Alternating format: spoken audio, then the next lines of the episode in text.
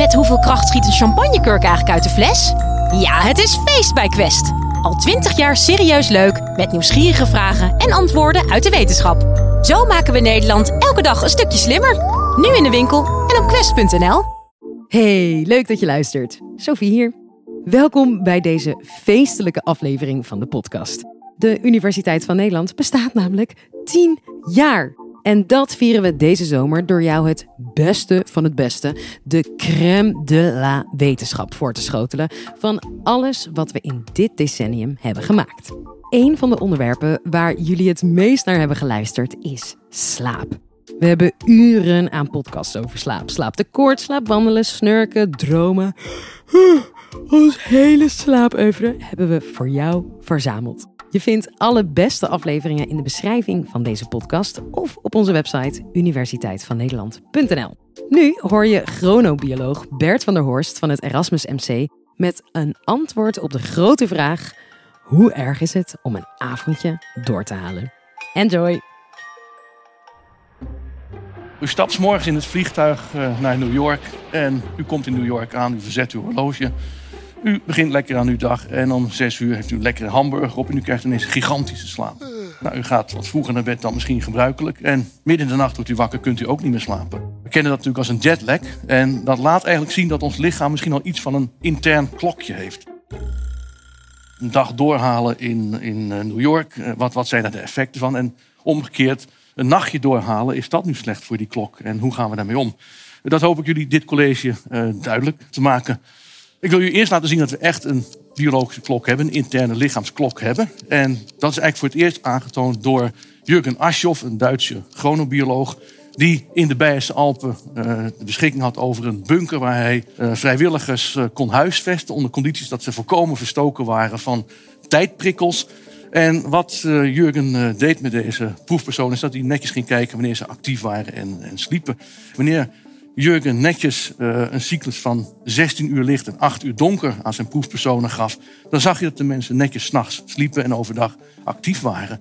Maar slim als Jurgen was, heeft hij ook zijn proefpersonen een week of drie lang blootgesteld aan continu gedimd licht. Dus geen licht-donker cyclus, maar gedimd licht. Deze proefpersonen werden gemiddeld iedere dag één uur later wakker. Nou, wat leert dit ons? Dit leert ons dat we inderdaad een interne klok hebben die onze slaapwaakritmiek regelt. Maar u ziet ook dat die klok dus blijkbaar een omlooptijd heeft die niet gelijk is aan 24 uur. Bij deze proefpersoon een omlooptijd van, van bijna 25 uur. Dan hebben natuurlijk wel een probleem. Want onze aarde draait netjes rond één keer om zijn as uh, in 24 uur. Uh, zou er dus niks gebeuren, dan zouden we continu in en uit fase leven met die licht-donkercyclus. Nou, dat is een probleem. En dan zeg ik zelf altijd maar weer, de natuur zou de natuur niet zijn als ze daar niet zelf een oplossing voor bedacht had. En die oplossing is licht. En wat licht doet met onze biologische klok, dat kan ik het beste laten zien aan de hand van een proefje met muizen. Muizen zijn nachtdieren, maar die kun je netjes in een kooitje zetten met een loopwiel. En dan kun je die, dat loopwiel verbinden aan de computer. Je kunt precies zien wanneer dat diertje actief is en inactief is. Maar in dit proefje, dus in zo'n muis, bij zo'n muis die zijn eigen ritme volgt, kunnen we nu precies onderzoeken wat een lichtprikkel doet. Wat er gebeurt als we bijvoorbeeld aan het eind van de dag, het begin van de nacht, een lichtprikkel geven aan de muis. Dan zien we dat die muis, als het ware, zijn ritme gaat verschuiven. Die wordt de volgende dag eerder wakker. En geven we zo'n lichtprikkel aan het, uh, het eind van de dag, begin van de nacht, dan zien we het omgekeerde gebeuren. Dan wordt hij de volgende dag later wakker. Dus licht kan die klok, afhankelijk van het moment van de dag waarop die muis hier aan wordt blootgesteld, of de mens eraan wordt blootgesteld, kan die klok naar voren of naar achteren schuiven. Nou, dat is mooi, zult u zeggen. Eh, en waar zit dan die klok? Nou, dat weten we intussen ook. We hebben een klok in onze hersenen. Daar zitten zo'n 20.000 zenuwcellen precies boven de plaats waar de twee oogzenuwen elkaar kruisen. Dat noemen we de suprachiasmatische nuclei. Die 20.000 zenuwcellen die kunnen als het ware tijd genereren. Nou, die klok zit in de hersenen. Er zit niet voor niets boven die kruising van de oogzenuwen. Want dat maakt het makkelijk voor dat hersengebiedje om lichtinformatie vanuit het oog te krijgen. Waardoor die klok netjes verzet kan worden en synchroon gehouden kan worden met de licht-donkercyclus. Nou, zit die klok alleen in de hersenen? Het antwoord is nee. We weten nu ook onderzoek uit ons eigen lab, dat eigenlijk iedere cel in ons lichaam zo'n klokje heeft. En dat die klok in die cellen in ons lichaam, in de perifere organen, eigenlijk op dezelfde manier werkt als die klok in onze hersenen. Nou, dat noemen we perifere klokken. We hebben dus die perifere klokken. Uh, en dat laat zien dat eigenlijk die klokken waarschijnlijk ook wel meer regelen dan alleen onze slaapwaakcyclus. Uh, er zijn heel veel andere lichaamsprocessen, gedrag, maar ook fysiologie en stofwisseling, die onder controle staan van die klok. Het is nu al redelijk laat in de avond en u ziet dat uh, ons lichaam zich al is aan het klaarmaken voor de slaap straks. We zien dat de melatoninespiegels, het hormoon van de nacht, al aan het stijgen zijn. Uh, straks gaat ook onze darmperistaltiek op een laag pitje. Onze nieren gaan wat minder uh, efficiënt werken. Waardoor we vannacht ook niet uh, ons bed uit hoeven om naar het toilet te gaan.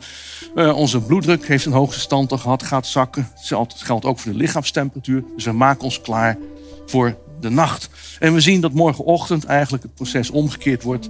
Nou, voordat we straks onze ogen open doen, zien we dat het lichaam alweer ja, zeg maar, klaargemaakt is voor de dag. Onze bloeddruk gaat omhoog, de lichaamstemperatuur gaat omhoog. Prima. Maar wat is nu het nut van deze klok? Uh, nou, dat wil ik u eigenlijk uh, uitleggen aan de hand van de thermostaat van onze centrale verwarming. Wie van u heeft thuis nog zo'n zo'n klassieke thermostaat die je s'morgens moet opdraaien voordat het huis warm is? Nou, dan zult u wel herkennen dat in de koude winternacht u eerst uw bed uit moet, lekker koud. U draait uw thermostaat op en dan wordt uw huis warm. Natuurlijk veel praktischer als u een klokthermostaat heeft. Want die klokthermostaat zorgt ervoor dat voordat u wakker wordt, voordat de wekker afloopt, uw huis al lekker warm is. Nou, dat doet die interne klok in ons lichaam eigenlijk ook. Die zorgt ervoor dat wij eigenlijk anticiperen op momenten van de dag die nog gaan komen. Dus ons lichaam wordt door die klok al klaargemaakt uh, voor de dag voordat we onze ogen uh, open doen. Is die klok bij iedereen hetzelfde? Die klok die kan bij de ene persoon anders werken dan bij de andere klok. Wie van u uh, wordt s'morgens zeg maar rond 7 uur wakker zonder gebruik te maken van de klok. Nou, kennen deze mensen waarschijnlijk als ochtendmensen. Nou, er zijn ook mensen die, als de klok of de, wekker om 8 of 9 uur eh, afloopt, liefst nog heel lang in bed blijven liggen. Wie van u? Heel veel mensen zelfs. Mooi. Nou, dat zijn dan de avondmensen. Dus u ziet dat we hebben ochtendmensen, avondmensen met nog een hele groep normale mensen daartussenin wat we dan met een mooi woord noemen het chronotype over de populatie. Nou, hoe kunnen we dat chronotype nu verklaren? Uh, dat kunnen we heel mooi verklaren door de snelheid waarmee onze biologische klok tikt. En bij de ene persoon tikt die sneller dan bij de andere mensen. Wat gebeurt er nu bij ochtend- en avondmensen? Wat er gebeurt bij een ochtendmens, die heeft een snellere klok, die dus al eerder een niveau bereiken waarop het lichaam een seintje krijgt om te gaan slapen. En bij een avondmens gebeurt precies het omgekeerde, daar gebeurt dat later. Dus dat verklaart waarom ochtendmensen eerder willen gaan slapen dan avondmensen. Is die klok snelheid, het chronotype constant? Het antwoord daarop is ook weer nee. Peutertjes, dat zijn extreme ochtendmensjes. Nou, dan worden die kinderen ouder, die gaan naar hun twintigste jaar, gaan uh, studeren, feesten. En dan zeggen we allemaal, ja leuk hoor, dat bier drinken in deze nachtclub. Maar dat is allemaal aangeleerd gedrag. Uh, het antwoord daarop is nee. We zien in deze grafiek dat het chronotype verschuift naar een later moment. Dus we zien dat naarmate we naar onze twintigste gaan, we een later chronotype krijgen. En dat chronotype gaat weer terugzakken naarmate we, uh, we ouder worden. En u ziet ook dat er verschillen zijn op basis van geslacht. Dat de mannen over het algemeen langer een later chronotype houden dan de vrouwen. Maar dat is dus uh, uh, die klok. En dit is hoe ons chronotype zich zeg maar, gedraagt gedurende ons leven. Hoe gezond is het dan om tegen die wil van die klok in te gaan? Uh, of niet naar die klok te luisteren? Of, of is die klok om andere redenen stuk? Als we nu eens kijken naar extreme avondmensen, extreme ochtendmensen. U kunt een heel extreem avondmens zijn dat misschien pas vier, vijf uur s'nachts in slaap kan vallen. Om de volgende middag pas wakker te worden. Nou, dat is een situatie die wij kennen als een delayed sleep, uh, sleep phase syndroom. Deze patiënten, omdat hun klok, nou, daar is iets mee mis, die kunnen pas heel laat de slaap vatten om de volgende dag, uh, zeg maar, ja, laat wakker te worden, zoals ik al zei. En dat is natuurlijk wel een probleem in onze maatschappij, want onze maatschappij wil toch dat wij gewoon gezellig doen met onze partner, dat wij s'morgens naar ons werk gaan.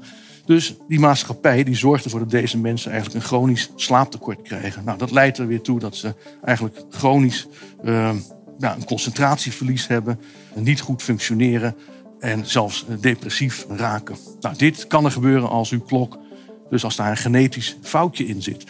Maar zijn deze mensen ziek? Nou, in principe niet. Want als je deze mensen gewoon zelf hun eigen klok zou kunnen laten volgen en hun eigen ritme zou kunnen laten volgen, dan zouden ze absoluut niet ziek zijn. Dat brengt me eigenlijk bij een volgende punt. Dat is onze 24-7 maatschappij. Wat doet die met onze klok? De werkdagen, de schooldagen, wat gebeurt daar? U ziet daar dat de wekker ons wakker maakt, omdat we verplichtingen hebben. En dat betekent dus dat wij op door de weekse dagen een slaaptekort hebben.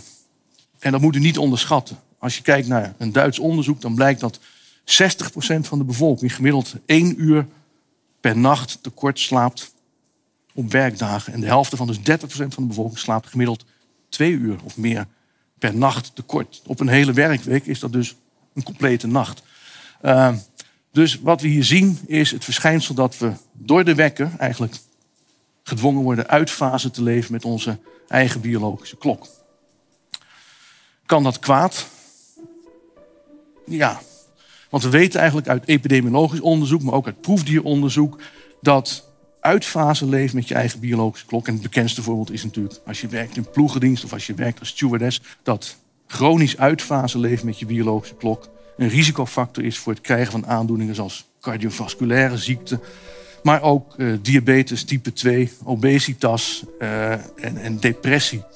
En ik kan nog een stap verder gaan. We hebben zelf aangetoond samen met het RIVM dat chronisch niet luisteren naar je eigen biologische klok zelfs een risicofactor kan zijn voor het krijgen van kanker.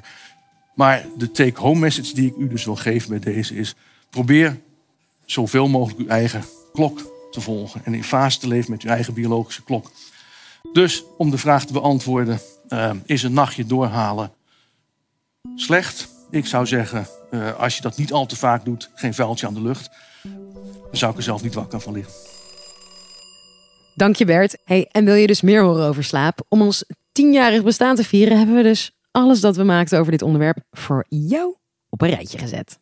Het moment van in slaap vallen kun je je eigenlijk niet herinneren. Moet je nou wel of niet snoezen? Als je telkens weer een stukje slaapt en jezelf weer wakker maakt, is dat erg vermoeiend. Beter dus om niet te doen. Een droom is eigenlijk een gewaarwording die je hebt tijdens je slaap. En dan word je zwetend wakker. Je hebt een nachtmerrie gehad. Misschien denk je alles minder dan acht uur is slecht. Want dat hoor je toch overal? Maar vaak zijn we meer bezig met hoe lang we slapen dan met hoe diep we slapen. Lekker om bij in slaap te vallen.